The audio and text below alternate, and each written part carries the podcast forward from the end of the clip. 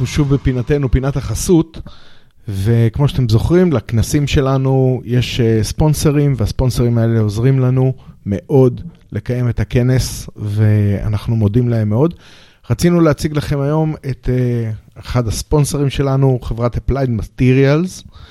Applied Materials היא מובילה עולמית בתחום ייצור השבבים, והיחידה העסקית, העסקית שלה בפארק המדע ברחובות עוסקת בבקרת תהליך הייצור. קבוצת התוכנה בישראל מונה 350 מפתחים במגוון רחב של תחומים, אם זה Deep Learning, DSP, עיבוד תמונה, Backend ו-Frontend, UI ו-UX, ובמגוון רחב של שפות, C, Java, Python, C++ ועוד. יחד הם מתמודדים מול אתגרים בחזית הטכנולוגיה, פתרון בעיות מורכבות וחשיבה, כמובן, מחוץ לקופסה.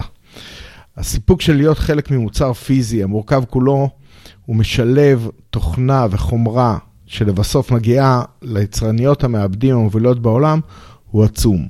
רוב הסיכויים שהנייד שדרכו אתם מאזינים לנו עכשיו, עבר במהלך ייצורו במכונת הייצור והבדיקה של Applied Materials. ב Applied שמים דגש על עבודת צוות, אפשרויות להתפתחות אישית וצמיחה, והכל תוך שילוב ואיזון בין קריירה לחיים אישיים. שוב תודה ל Applied Materials.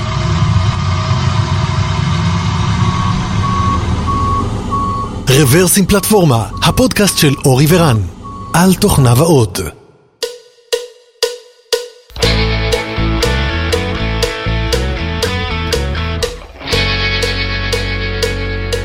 שלום וברוכים הבאים לפרק 368 של רברס עם פלטפורמה. אנחנו שוב באולפן בכרכור.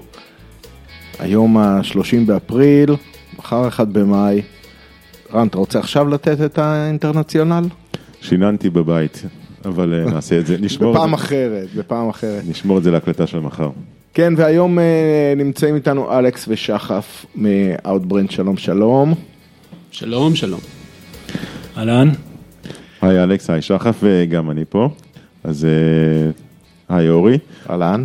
אנחנו נדבר, אה, ולא במקרה, אה, נדבר על, נמשיך את סדרת ה Outbrain שלנו מהפרק הקודם, ובעצם נדבר על שני נושאים קרובים וקשורים שקרו ב Outbrain בזמן האחרון יחסית, על Kubernetes ו Dyploma, ותכף גם נספר מה הם.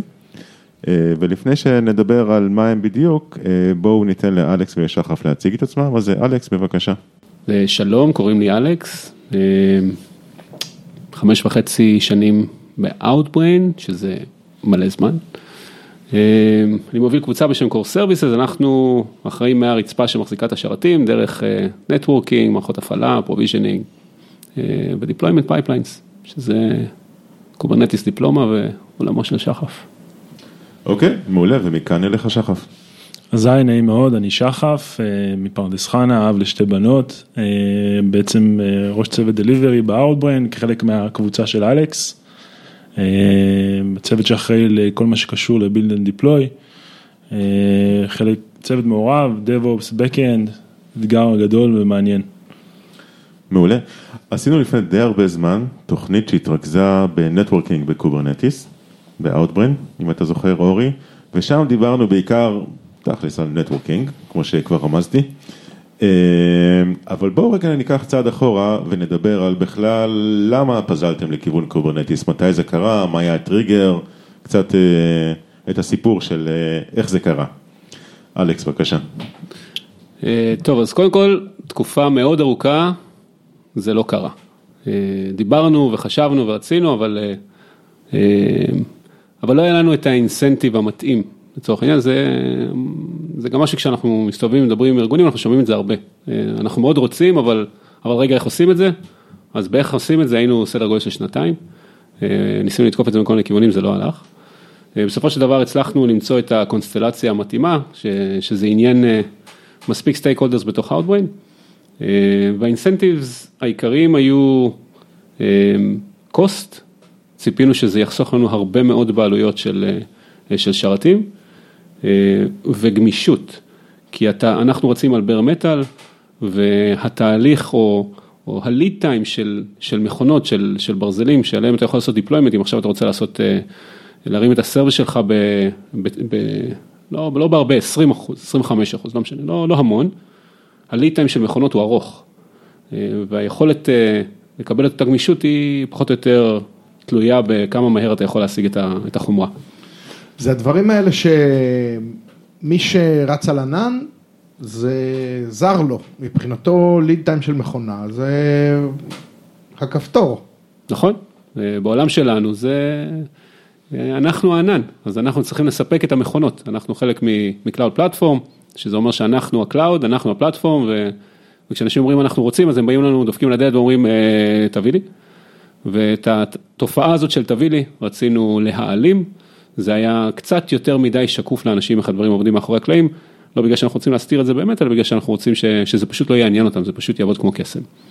אה, וזה הביא את הצורך ב- באורכסטרציה, אה, מה שהלך יפה מאוד עם containerization, שזו מילה מאוד ארוכה בכוונה דרך אגב. שוקלים באקדמיה העברית אה, ללשון, אה, לקצר אותה, אבל זה עדיין בדיונים. קופסונים, אני מציע את המכלה. התקבל. לא יודע מה זה אומר. אני מניח שהתכוונת בכף ולא בחי"ת, אבל אני... כן, אז, אז ציינת שני גורמים, אחד זה הגורם הפיננסי, ושתיים זה אה, חוויית המשתמש, או, אה, infrastructure as a service, ולא כטוק טוק טוק תביא לי. נכון, כל, ה, כל הרעיון שם זה, זה velocity, רצינו שלאנשים יהיה את, ה, את האפשרות לזוז יותר מהר, אה, גם בעולם של production וגם בעולם של אה, development, כשאתה מפתח אתה לא רוצה לחשוב על יש לי או אין לי. כן. והכוכבים התיישרו וזה התחיל, התחיל לקרות. איפה זה נמצא היום? אה, כמה data centers, כמה קלאסטרים, איזה גדלים אנחנו מדברים היום? אז אה, בעצם אנחנו מנהלים אה, שלושה data centers שמכילים אה, כמה Kubernetes clusters, אפשר להגיד סך הכל ב production הנודים שיש לנו, המכונות שיש לנו זה סדר גודל של 1500 מכונות,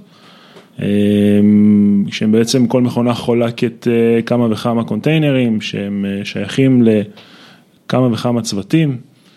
אה, סדר גודל של אה, קרוב ל-500 distinct services שרצים בסך הכל על הקלאסטרים האלה.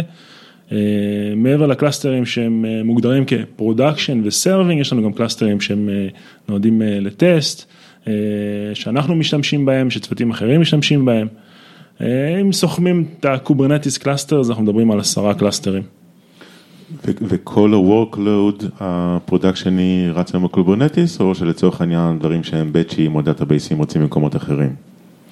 אז דאטאבייסים אין לנו עדיין ב Kubernetes, אנחנו לא מריצים אותם בתוך containers. אה, כל ה-workload שהוא בעצם ה-stateless אה, services, אה, אם זה Java services, Node, רצים הכל בעצם בתוך containers. אוקיי, ו-batch computation, Hadoop, Spark או חברים, גם שם?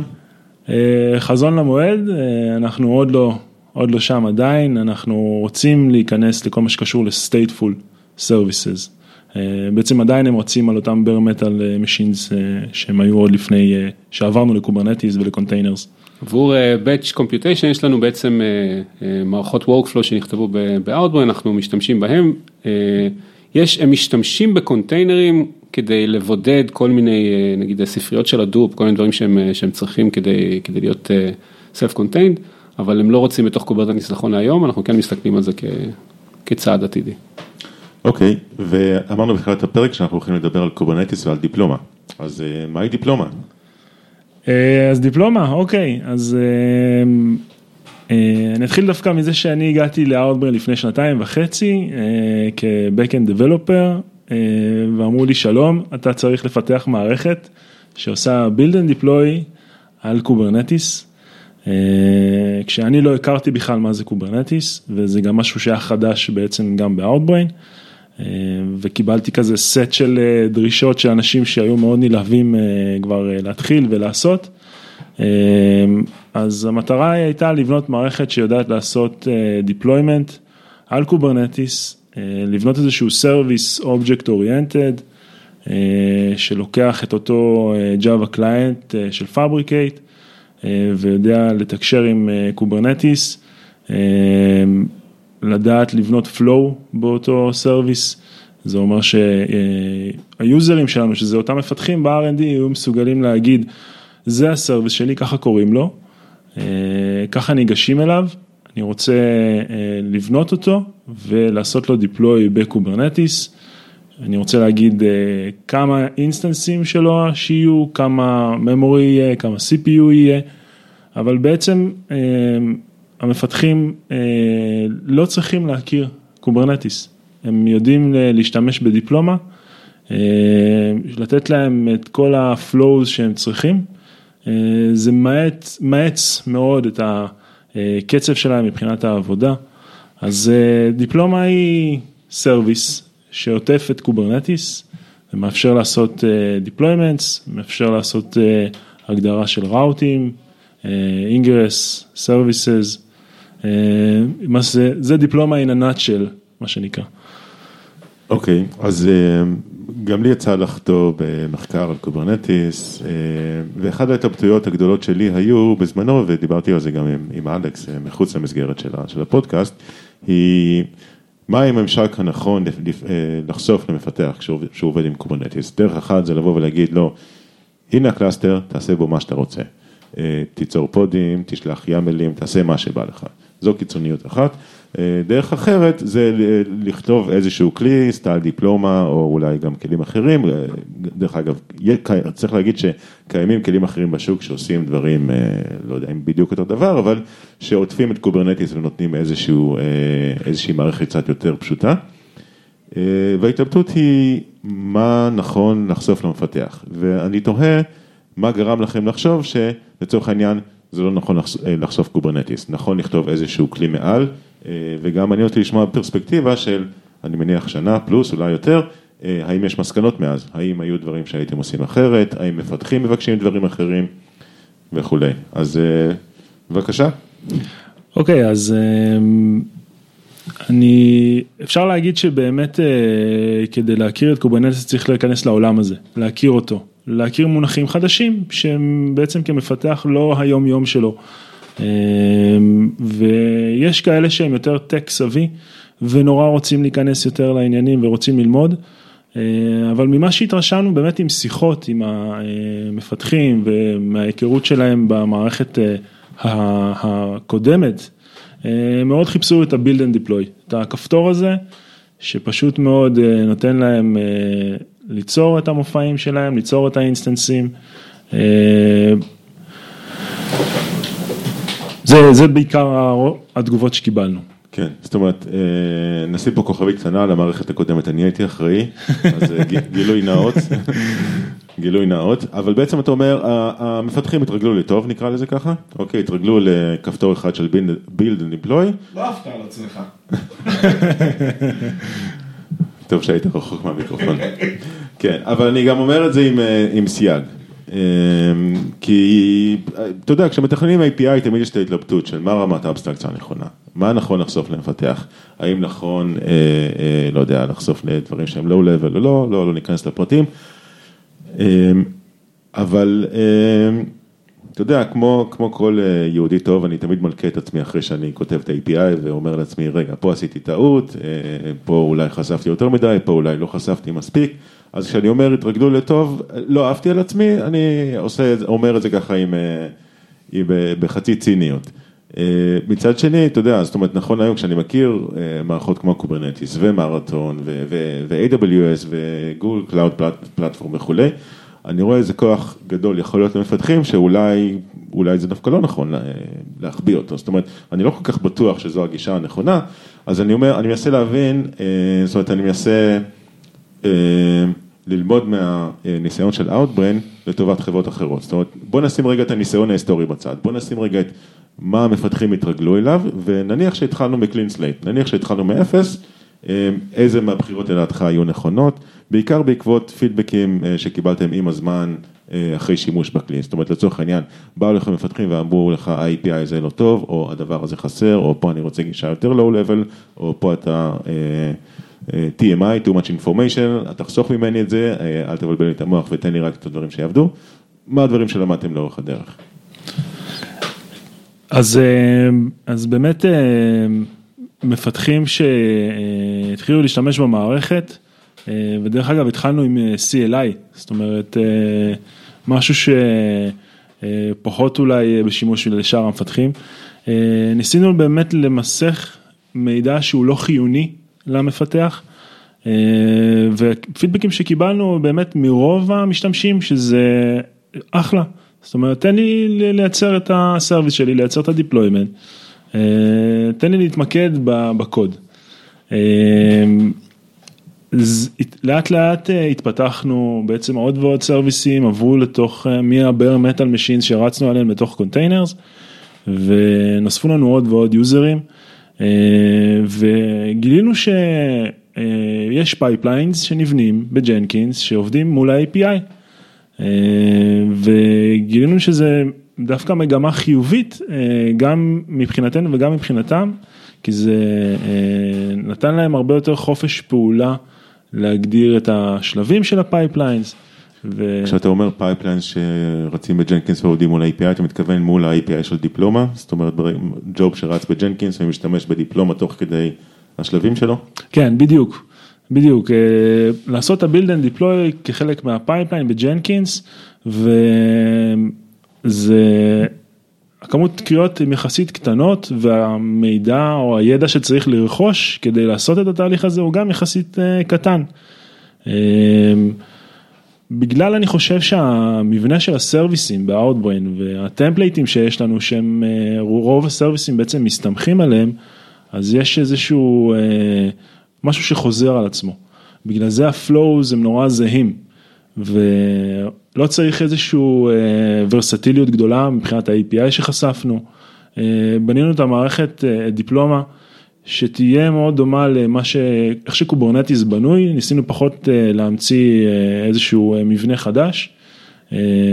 והמבנה הזה היה מספיק טוב באמת בשביל חלק גדול מאוד מה-use cases, שבעצם לסרוויסים שהיו צריכים להיכנס לבפנים. עם הזמן אה, קיבלנו גם אה, יוזרים שרצו UI, אמרו אה, אנחנו רגילים ל-UI וכמובן ב-UI יש הרבה יותר דברים שאפשר לעשות מאשר מ-CLI ו-API. אני מדבר איתך באמת על תהליך שהוא לא קטן, הוא תהליך של שנה וחצי כבר, אז, אז התחלנו מ-CLI והתחלנו לראות API ואז התחלנו כבר לעבוד גם על UI, שב-UI ראינו שיש לא מעט יוזרים שבאמת אה, צריכים את ה dashboard הזה, לראות איזושהי תמונה רחבה שמאפשרת להם אה, לקבל תמונה על כל ה deployment שלהם. אה, דיפלומה עושה בעצם federation, אפשר להגיד את זה, היא מנהלת את כל ה clusters ים ממקום אחד. אז... כל ה clusters ים של production או שאנחנו גם מדברים על staging, tests ים או אחרים? גם של staging ו testing, אה, אנחנו חלק, testing כמובן לא חושפים בדרך כלל למפתחים, אה, רק למי שבאמת צריך את זה.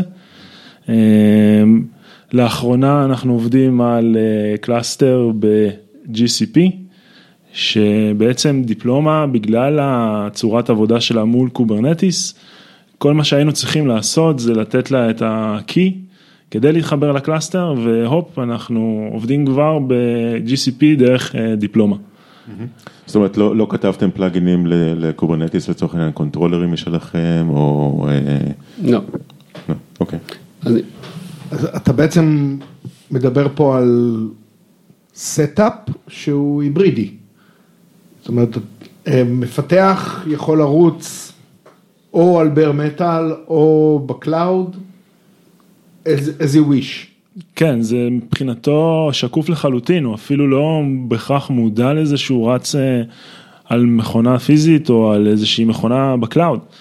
אה, שאני חושב שזה חלק מה, מהיופי של קוברנטיס ובעצם הצורה שניסינו אה, לשמר את המבנה של קוברנטיס בעבודה גם עם דיפלומה. שדיפלומה לא תמציא איזה משהו חדש. דיפלומה בעצם נותנת לך אם אתה מסתכל על זה ב zoom out, אז אנחנו נותנים איזשהו context שהוא Outbrain-י, כלומר המפתח מדבר שפה של Outbrain. אה, מתחת לזה יש קוברנטיס, בדרך כלל לא אכפת לו. אה, וכשאתה אמרת, שאלת לגב, לגבי production אה, או staging או טסט, אז ה clusters ים האלה זה לא clusters ים נפרדים של קוברנטיס, איזושהי הפרדה לוגית שקורית בקונטיינר אפליקטיבי, כלומר שקורה באפליקציה. והאפליקציות מבחינות בין production ל staging דרך tags ים שמוזרקים להם בזמן שאנחנו מרימים אותם. הן לא יודעות לצורך העניין אה, אה, באיזה cluster הן רצות, אתה יכול לדעת אם אתה ממש רוצה, בדרך כלל אתה לא רוצה וזה לא מעניין אותך, אבל אם אתה ממש צריך לדעת אז, אז אתה יכול. אה, ואת, you get a lot of goodies for free, אז אתה יודע איזה, אתה מקבל את ה cluster, אתה מקבל, זה מחלחל כל הדרך עד הקונפיגורציה שלך. ומהבחינה הזאת, בגלל שזה עובד בצורה כזאת והכל לוגי, אז אתה גם, זה לא מעניין אותך אם אתה על bare metal או ב cloud, מעניין אותך השם של ה data center. יכול להיות שבתוך cluster יהיו, בתוך data center יהיו ארבעה clusters ים, ובכולם אנחנו נציין את אותו data center, אתה לא תדע שאתה רץ על cluster אחר. אלא אם כן ממש תצטרך לדעת את זה, תרים מכסה מנוע ותראה שאיזשהו משתנה סביבה שהעברנו לך שאומר, אה, אתה על ה cluster השלישי ולא על הראשון. אוקיי, זאת אומרת לצורך העניין אם אני עושה deployment ל production, יכול להיות שאני אגיע אה, לצורך העניין ב database בניו יורק, יכול להיות שאני אגיע ל cluster A בניו יורק או ל cluster B בניו יורק, אבל אה, דיפלומה לצורך העניין מנהלת לי את זה. נכון, נכון, זה לא יעניין אותך. אה, חשוב לציין, התקשורת לא קורית בצורה הקלאסית שקוברנטיס עושה את הדברים, דיברנו על זה בפודקאסט, שדיברנו על networking, נגענו בזה קלות, אבל אה, בגלל שאנחנו מיישמים איזשהו IP fabric מעל, אנחנו לא משתמשים ב plugins ים, לא Calico ולא Weave ולא אף אחד מהחבר'ה האלה. אה, לכל קונטיינר יש IP משלו והוא מדבר עם containers ים האחרים, אה, דרך תשתית התקשורת שכל המכונות מדברות דרכם, דרך routing daemon על המכונה שמדבר עם ה switches ים yada yada וכולי. אז אין שום דבר שיושב באמצע. ולכן כל מיני אבסטרקציות שקיימות בקוברנטיס, כמו services ים, באמת בעיקר services ים, אנחנו בכלל לא משתמשים בהם. הסיבה שזה עובד, הדרך שזה עובד, אנחנו משתמשים ב Consul ל service discovery, אנחנו רושמים כל קונטיינר שעולה ב Consul, you don't get to choose, אנחנו רושמים אותך עם כל ה metadata שאתה מגיע איתו, מעצם זה שהגדרת deployment, אתה מגדיר איזשהו metadata ואנחנו מזריקים אותו לתוך Consul ברגע שאתה עולה ומורידים אותו כשאתה יורד. ב services ים פונים ל Consul, אומרים תן לי, לא יודע, מי פנוי בבוגרשוב? פונים ישירות לבוגרשוב וקדימה, אין שום מתווך בדרך. בגלל זה זה לא משנה גם על איזה cluster אתה נמצא.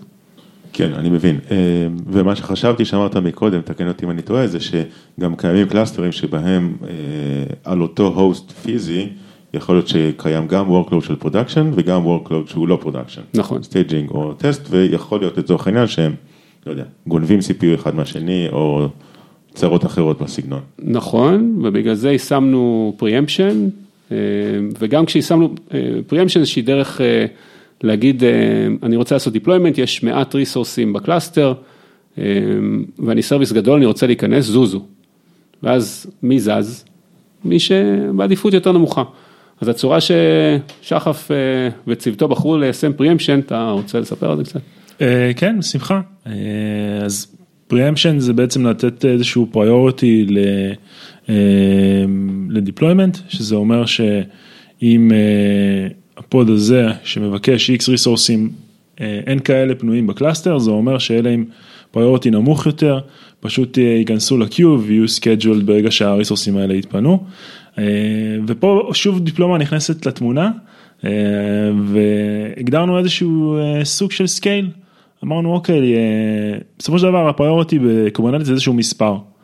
ואז אומר אוקיי איזה, איזה מספר נציג למפתחים? בוא, בוא נחשוב מה, מה זה אומר גבוה מה זה אומר נמוך?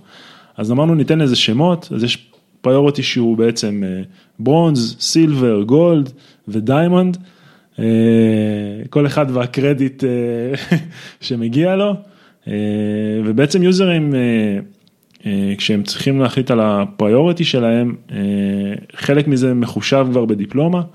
אה, בדרך כלל סרוויסים שיש להם instance אחד, אה, אנחנו לא רוצים שהוא ייכנס לתור ויידחף ואז בעצם יהיה לו downtime, אז זה מקבל priority מאוד גבוה. אה, ובדרך כלל סרוויסים שיש להם עשרות אינסטנסים או ב deployment, ואנחנו יודעים מבחינה עסקית שיש להם חשיבות, אז הם מקבלים priority קצת יותר גבוה מאלה שהם כמובן כל אלה שהם לא ב prod, הם בטסט או משהו מהסוג הזה, הם מקבלים את ה priority אה, הכי נמוך. אה, ככה יישמנו את זה. okay, okay. בואו נדבר שוב על ה-workflow של המפתח. אז עד עכשיו בעיקר התמקדנו בנושא הזה שדיפלומה מנהלת את Kubernetes. ככה שמפתחים לא צריכים להכיר את Kubernetes על בוריו. אבל גם הזכרת מקודם שבעצם ברגע שמפתח מתחיל לעבוד על איזשהו service חדש, כבר מה version control ומה CI כבר דיפלומה מתחילה להתערב. או אולי אמרת, אולי דמיינתי את זה. אה, אז בוא תספר קצת אה, מה דיפלומה עושה מעבר לנהל את ה clusters ים של Kubernetes. okay, אז אה, דיפלומה נותנת לנו בעצם גם את ה-permission, אנחנו בעצם דרך, user צריך לעשות login, הוא צריך להיות חלק מה user שבארגון, אז כבר קיבלת, אם היית צריך לממש RBAC ב Kubernetes, אז קיבלת כבר מנגנון כזה. אה, אנחנו מאפשרים גם אה, להגדיר permissions מבחינת אה, איזה סרוויס יכול להיות מנוהל אה, לפי הגדרה מי הצוות שמנהל אותו, זאת אומרת שאתה חייב להיות שייך לצוות הזה כדי להיות מסוגל לנהל אותו.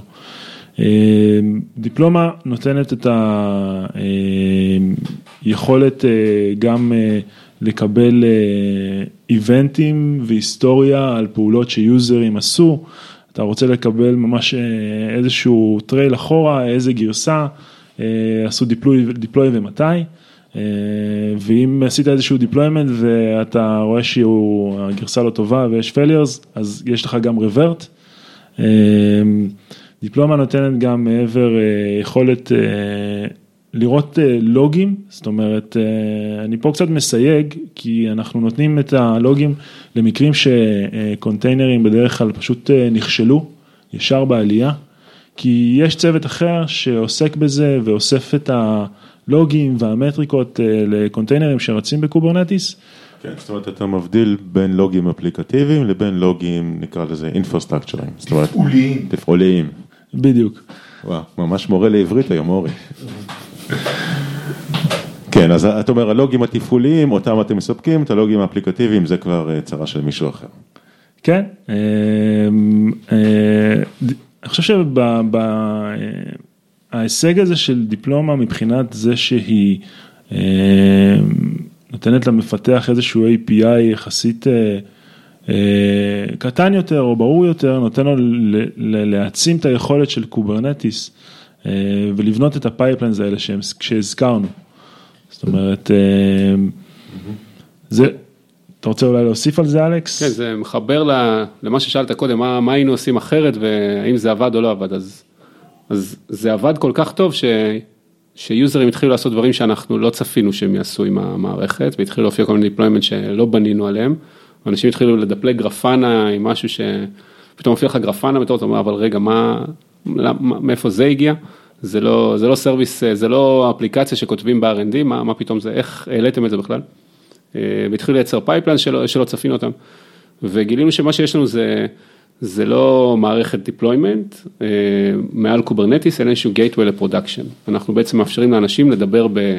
זה ה runtime שלי, וזה המושגים של production ו staging ו test וטב וכולי, ותן לי כמות כזאת של אינסטנסים, של ה service הזה, אה, תן לי את הלוגים שלו, יש לך איזושהי דרך מאוד פשוטה וקלה להגיע ל production, או, לסטי, או ל staging או לטסט או לא משנה מה, וזה פשוט לא מעניין אותך מה יש מתחת, זה הופך להיות בעיה של מישהו אחר. אז מהבחינה הזאת זה עבד מצוין. המקום שבו זה פחות עבד זה כל מי שרוצה explicitly לרוץ מעל Kubernetes כי הוא הוריד איזשהו Helm chart והוא רוצה להשתמש בו כדי להרים Spark, אז אנחנו לא נותנים לו מענה. כי הוא רוצה לעבוד pure Kubernetes. אבל רוב המפתחים אצלנו לא רוצים לעבוד pure Kubernetes, הם רוצים פשוט להגיע ל production. אוקיי, ואתם, אני מניח בעצמכם, עושים את זה, זאת אומרת, אתם כן רצים אה, מעל Kubernetes, מריצים Helm ים או דברים אחרים שאתם רוצים, אבל זה, זה בגלל שזה אתם.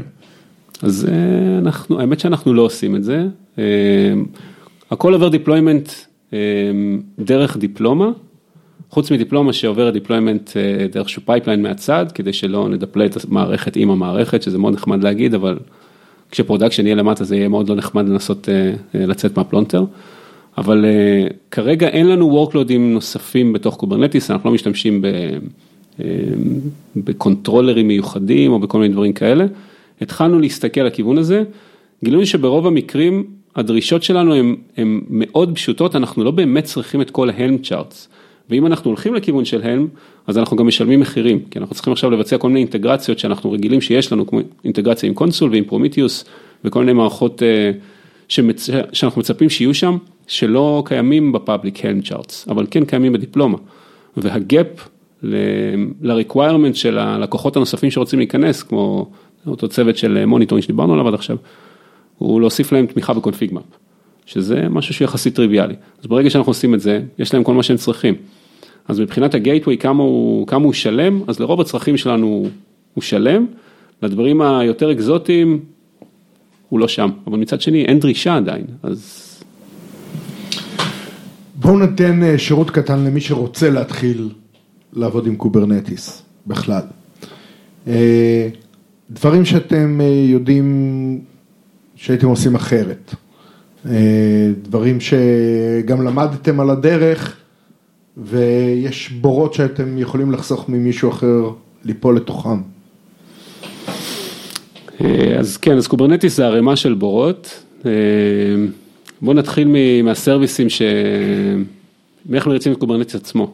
אז בגדול, ב Kubernetes עצמו, החלק המרכזי שצריך לשים לב אליו זה etcd, הכל מתחיל ונגמר ב-etcd, כל הקונפיגורציה יושבת שם, זה המקום שבו יושב ה state, וצריך אה, לדפן אותו היטב מכל הכיוונים, שלא ייכנסו מים ושלא יהיה לו, ושהוא ירגיש נעים וחם והכל, ולגבות אותו, כבר נמחק לנו cluster שלם, היה לנו גיבוי של etcd, וברגע שעשינו restore של אותו גיבוי, אז כמו קסם פתאום הופיע כל ה cluster וכל ה service ים עלו מחדש, זה היה מדהים לראות את זה. מצד שני, לעשות את זה ב production זה לא, אתה יודע, זה מדהים בארבע לפנות בוקר, ובארבע וחצי אתה כבר רוצה לישון. אז, אז לגבות את etcd ולדאוג לו היטב. ה-high availability ב Kubernetes, זה קשה כי כמעט by design, כדי שתקנה את זה ממישהו אחר. אה, אבל זה מאוד מאוד חשוב, כי קומפוננטות כן ייכשלו, אז ל-API server צריך לעשות high availability. אה, אם יש לך יכולת לעשות את זה על בסיס Anycast, אז תעשה את זה. ואם אתה יכול, אם אתה משתמש ב-GCP או בפתרון אה, של AWS או כל פתרון שהוא, שמישהו אחר מנהל לך את ה-Head Nodes, אז תלך לשם, אם אתה לא חייב לנהל את זה, אל תנהל את זה. זה מבחינת הניהול של Kubernetes עצמו. מבחינת אה, deployments בתוך המערכת, אז כן, יש הרבה bells and whistles ויש הרבה דברים ש, שאפשר לעשות. אם אפשר לשמור את זה פשוט, אז עדיף לעשות את זה פשוט בהתחלה. או תתחיל מלהרים משהו טריוויאלי, לא, בלי auto scaling ובלי שום דבר. זה, זה דבר אחד ש, שאני יכול להציע, ולהבין היטב איך עובד אה, כל המנגנון של required ו-limits, ו... ומתי ה pod ים שלך ימותו ומתי הם יעברו eviction ומי נכנס מתי, כי, כי יש פה פינות. אה, לדוגמה ההבדל בין required ו-limited, בזיכרון בין required ו-require נראה טריוויאלי על פניו, עד שאתה מגלה שיש איזשהו משהו שנקרא buffer memory או באפרים וקאשים בלינוקס, שגם הם נספרים כחלק מהזיכרון שלך. אה, וברגע שיש לך אפליקציה שכותבת הרבה לדיסק או קוראת הרבה מדיסק, זה ממלא לך את, ה, את אותו זיכרון, ממלא לך את ה buffer ים ואת ה cache, ואז תגיע ל-out of memory ופשוט יעיפו לך את ה pod, שזה לא אינטואיטיבי לחלוטין, זה כאילו הדרך שבה לינוקס עובד בהכל, רק כשאתה מכניס את זה ל context של Kubernetes פתאום זה מתפוצץ. אז, אז יש כל מיני פינות כאלה ש, שכדאי להיות מודע אליהן, וזה בעיקר לקרוא את הדוקומנטציה ולשחק עם זה. מקודם כשדיברת על high availability, נזכרתי שאמרת שיש data center, או אני מניח מספר data center ים שבהם יש יותר מ cluster אחד של Kubernetes, של production, לצורך העניין יש שניים או שלושה cluster ים של Kubernetes, אה, שכולם production, אה, בתוך אותו data center. ואני שואל את עצמי, למה? למה לא לעשות cluster אחד per data center? האם זה מתוך שיקולים של high availability, האם זה מתוך מגבלות של, של גדלי cluster של Kubernetes, או שיש שיקולים אחרים? אז cluster production יש לנו אחד per data center, אין לנו אה, אה, כמה cluster ים ב production. הצורה שאנחנו עובדים באופן כללי זה שאם אנחנו מאבדים cluster של אה, Kubernetes ב data center, מה שקרה כבר, אז אנחנו מאבדים data center. ואנחנו מדברים בצורה כזאת שאנחנו יכולים לספוג אובדן של data center, מקרים קיצוניים אפילו שניים. אנחנו מקווים לא לספוג אף אחד, אבל we can handle it. ו... ומבחינתנו high availability הוא, הוא בין דאטה סנטרים. הסיבה שיש כמה קלאסטרים זה בעיקר בשביל בדיקות ו... וניסויים כאלה ואחרים, ויש לנו קלאסטרים לבדיקות ששייכים לצוותים שונים, כלומר אם אה, עכשיו עובדים על אה, אחד הקלאסטרים ועושים בו דברים מוזרים, עם, אה, כי מנסים controller כזה או אחר, אז, אז סבבה, אנחנו לא רוצים להפריע להם. אם delivery עושים את זה, אז הם רוצים לעשות את זה ב cluster אחר כדי לא להפריע לצוות אחר. אנחנו נותנים לך את המפתחות לממלכה, אבל הממלכה היא קטנה והיא שלך, ואתה לא תשבור לאף אחד אחר שום דבר. אוקיי, okay, בוא נחזור רק רגע שוב לחוויית המשתמש מעל Kubernetes, לנושא של דיפלומה ומה ה-API הנכון אה, לחשוף. אה, יש בזמן האחרון לא מעט מערכות שכבר מציעות אה, פלטפורמות serverless נקרא לזה, מעל Kubernetes, כדוגמת Knative, Kubeless ועוד כמה אחרות. אה, אפילו דיברנו פה עם ירון אה, על אחד מהם. אה, ואני שואל את עצמי, האם גם אתם פוזלים לכיוון הזה? זאת אומרת, האם איפשהו בחזון שלכם יש לספק ממשק שהוא אפילו יותר high-level למפתחים, בסגנון או serverless או משהו אחר, ש, שדומה למה ש... לפלטפורמות האלה שהצעתי, שהזכרתי. אוקיי, אז אני אענה. אמ, אני חושב שאנחנו מאוד קרובים ל serverless מבחינת מה שאנחנו מספקים כבר עכשיו. אמ, מה שמפתח היום עושה ב Outbrain, אנחנו לא, לא נתנו ככה את ה-high level של ה flow, אבל מה שמפתח עושה היום ב Outbrain כדי להרים service, זה כותב את הקוד, כשמלכתחילה יש לו הרבה דברים ש-he gets for free, כמו ניטור ומטריקות ואנליטיקס ולוגים ו-pretty much everything you could imagine, הכל כבר קיים בשבילו ו routing והכל כבר קיים בשבילו, הוא רק צריך לכתוב את ה business logic פחות או יותר. ומבחינת להגיע ל production, כל מה שהוא צריך לעשות זה להיכנס לדיפלומה פעם אחת, להגדיר את ה service שלו, להגיד ל service שלי קוראים ככה, אני רוצה כמות כזאת של אינסטנסים, שגם זה at some point will go away, ואנחנו ניתן לך איזשהו upper limit ו-lower limit.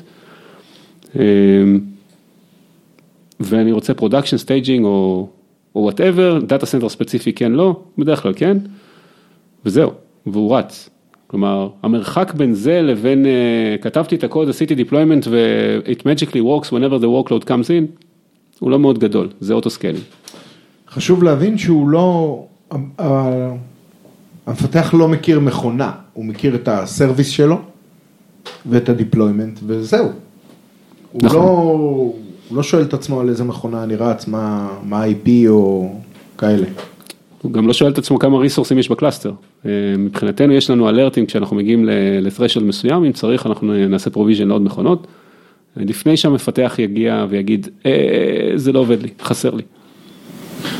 כן, אבל אני מניח שהוא עדיין דואג ל autoscaling, הוא עדיין דואג ל-initialization של ה service, הוא עדיין דואג ל state, כל הדברים האלה הם כבר, אה, הם כבר לא דאגות בעולם של serverless, לצורך העניין, בוא, בוא נדבר ספציפית על Lambda, לא, לא, לא נדבר על serverless באופן כללי.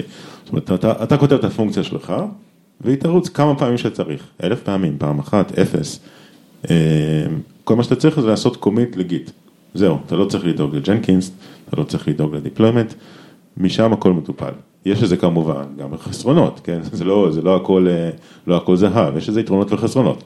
אבל אני שואל, מתוך סקרנות, האם אתם גם פזלתם לכיוון הזה, האם קיבלתם דרישות בסגנון הזה מהמפתחים שלכם, ואם יש לכם תוכניות כאלה? אז אה, כרגע אין לנו תוכניות כאלה, אנחנו, תזכור שאנחנו לא אמזון ולא, ולא גוגל, ו- ויש לנו finite amount of resources, כלומר, לבוא ולהגיד, תעלה את זה ואתה לא צריך לדאוג בכלל ל cost ואתה לא צריך לדאוג בכלל ל... לשום דבר וזה פשוט uh, will magically run אם צריך מיליון אינסטנסים אז זה יקרה. זה מבחינתנו זה, זה קשה, זה, זה אמירה שהיא קשה. אני לא יודע, אני לא יודע איך uh, לבנות את המערכת בצורה שהיא יכולה להכיל infinite scalability. Um, יכול להיות שאנחנו יכולים להציב איזשהו threshold מאוד מאוד רחוק ולהגיד לך, או להסתיר ממך את ה-threshold ים, אבל נכון להיום דרישה ספציפית לעשות את זה אין. אם היא תהיה אז אנחנו יכולים לבנות את זה שוב, Knative וחברותו נמצאים שם, אנחנו לא... כשאנחנו אומרים שדיפלומה מנהלת את Kubernetes, אז היא מנהלת metadata כ gateway בכניסה ל Kubernetes. היא לא באמת עושה פעולות של ניהול אקטיבי של Kubernetes מתחת לרגליים של המפתח. היא שער הכניסה, וזה כל מה שהיא עושה. היא לא עושה דברים אה, מוזרים מאחורי הקלעים שאתה לא מצפה להם. גם נראה לי שחשוב להבין שהארכיטקטורה היא, היא אמנם microservices לקצה, אבל היא, היא microservice בהגדרה, זה סרוויסים שיש להם state שהם מדברים אחד עם השני, ו... ולא, אתה יודע, פונקציה חד פעמית שאתה מריץ ו... וזה נגמר. כן, אני, אני מבין, זאת אומרת, אני מבין שארכיטקטורה היא, זאת אומרת, למרות שאנחנו קוראים לסרוויסים האלה stateless, יש להם state, יש להם cache פנימי, הם כותבים לקבצים לפעמים, זאת אומרת, כן יש להם state.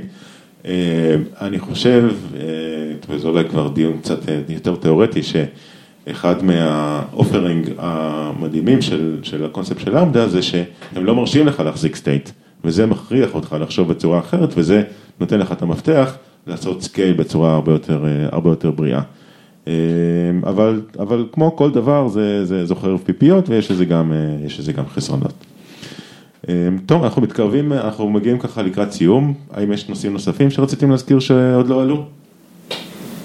אה, אני חושב שבאמת אה, אני אזכיר איך אנחנו מנהלים את Kubernetes, אנחנו בעצם אה, מייצרים את Kubernetes עם, עם שף, בעצם אנחנו משתמשים ב-kubeadm, אה, שף מנהל לנו גם את היצירה של ה-cluster, ה-CI שלנו בעצם עובד על Vagrant, אה, אנחנו מייצרים cluster, רואים שהוא עולה, בודקים שהוא עולה בצורה תקינה, שכל הרכיבים מדברים אה, עם השני כמו שצריך, אה, גם ככה אנחנו בודקים אה, פיצ'רים חדשים שאנחנו רוצים להוסיף.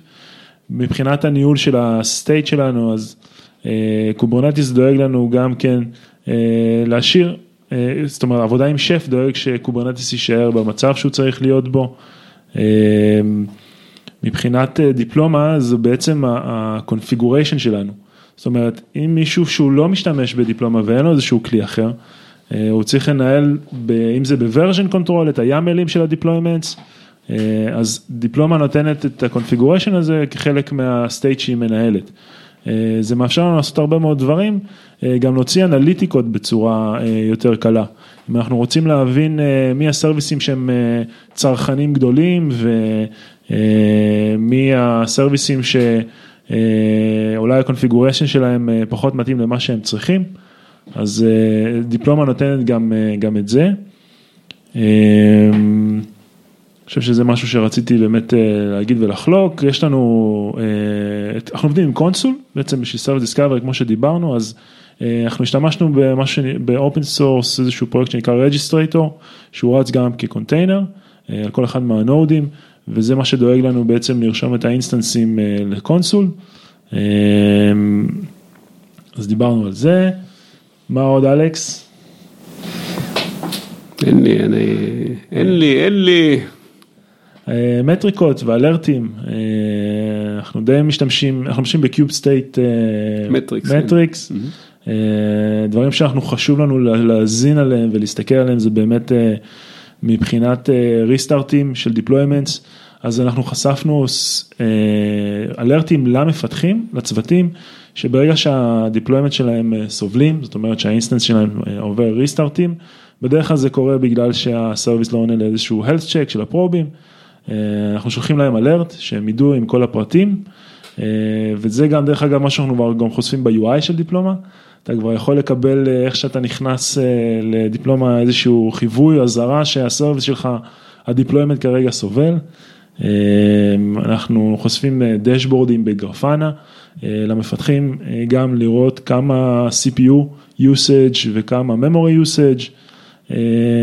ואלכס באמת הזכיר מקודם את כל הנושא של עלות, אנחנו באמת רואים שיש מקרים שה-sizing של ה-service נעשה בצורה פחות טובה, יש מקרים שבאמת נתנו מעט מדי משאבים, ואז זה גורר אחריו הרבה מאוד restartים, דברים מהסוג הזה, ואנחנו רואים גם מקרים שנתנו יותר מדי, ובעצם פה אנחנו, בעצם יש איזשהו בזבוז של משאבים. אנחנו גם עם כל מיני מחשבות של אוקיי בוא נשים quota לצוותים, למרות שאנחנו רוצים לתת להם חוויית cloud, אנחנו לא רוצים לחסום אותם מלהתקדם, אבל מצד שני באמת איפשהו אנחנו רוצים לשקף למפתחים, שיבינו שאם זה שיפור שהם יכולים לעשות בקוד, יביא להפחתה של השימוש במשאבים, זה יועיל לכולנו. אז דיפלומה נותנת גם את זה והדשבורדים והאלרטים שאנחנו חושפים.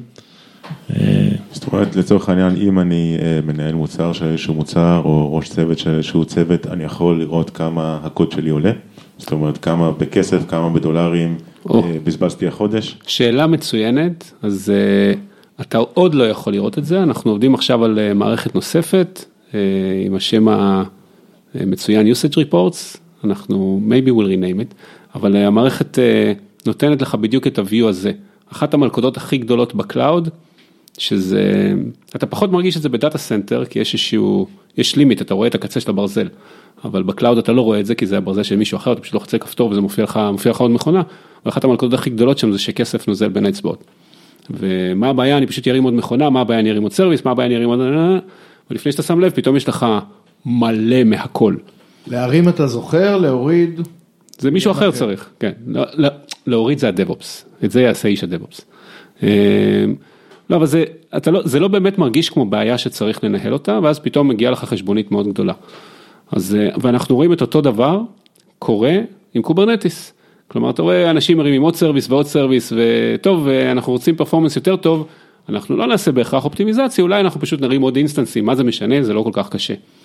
אמ, אז אתה רואה שה, שה-clusterים הולכים וגדלים וכמות ה-instanceים הולכת ותופחת, וזה מאוד טבעי, והסיבה שזה טבעי זה כי לאנשים אין את הנראות הזאת לכמה זה עולה. יש להם נראות ל-performance, יש להם נראות ל-latency, יש להם נראות ל-memory utilization, אבל הם בסופו של דבר גם אם רואים כמות instanceים, הם רואים ממוצעים של latency, ממוצע של latency שיורד, כשכמות ה-requestים עולה זה טוב, נכון? כמה זה עולה? אה, לא יודע. אז אנחנו עובדים עכשיו על מערכת שתשקף גם את זה, כדי שתוכל ממש לראות, הפרויקט הזה עולה ככה, בצד השני יש לך KPI של ביזנס שאומרים, הפרויקט הזה מכניס ככה, האם זה שווה את זה, ואם זה לא מספיק שווה את זה, מה אני צריך לעשות כדי לעשות שזה יהיה שווה את זה, זה השלב הבא. טוב, אז אה, נשאר לכם רק החלק אה, הכי קשה, לבחור שם לפרויקט. שיהיה בהצלחה. כן, תודה עם זה. רציתי להזכיר שאנחנו מחפשים אה, עוד אה, איש אשת DevOps אה, לצוות שלנו, אה, ונשמח אה, שתפנו אלינו, תפנו אליי בלינקדאין, המשרה מפורסמת גם באתר של Outbrain, אה, נשמח מאוד. נשים אה, קישור למשרה ב- בבלוג פוסט. מעולה. אוקיי, אז אה, תודה רבה אלכס ושחף, היה מאוד מעניין. להתראות. ביי, תודה. תודה, להתראות.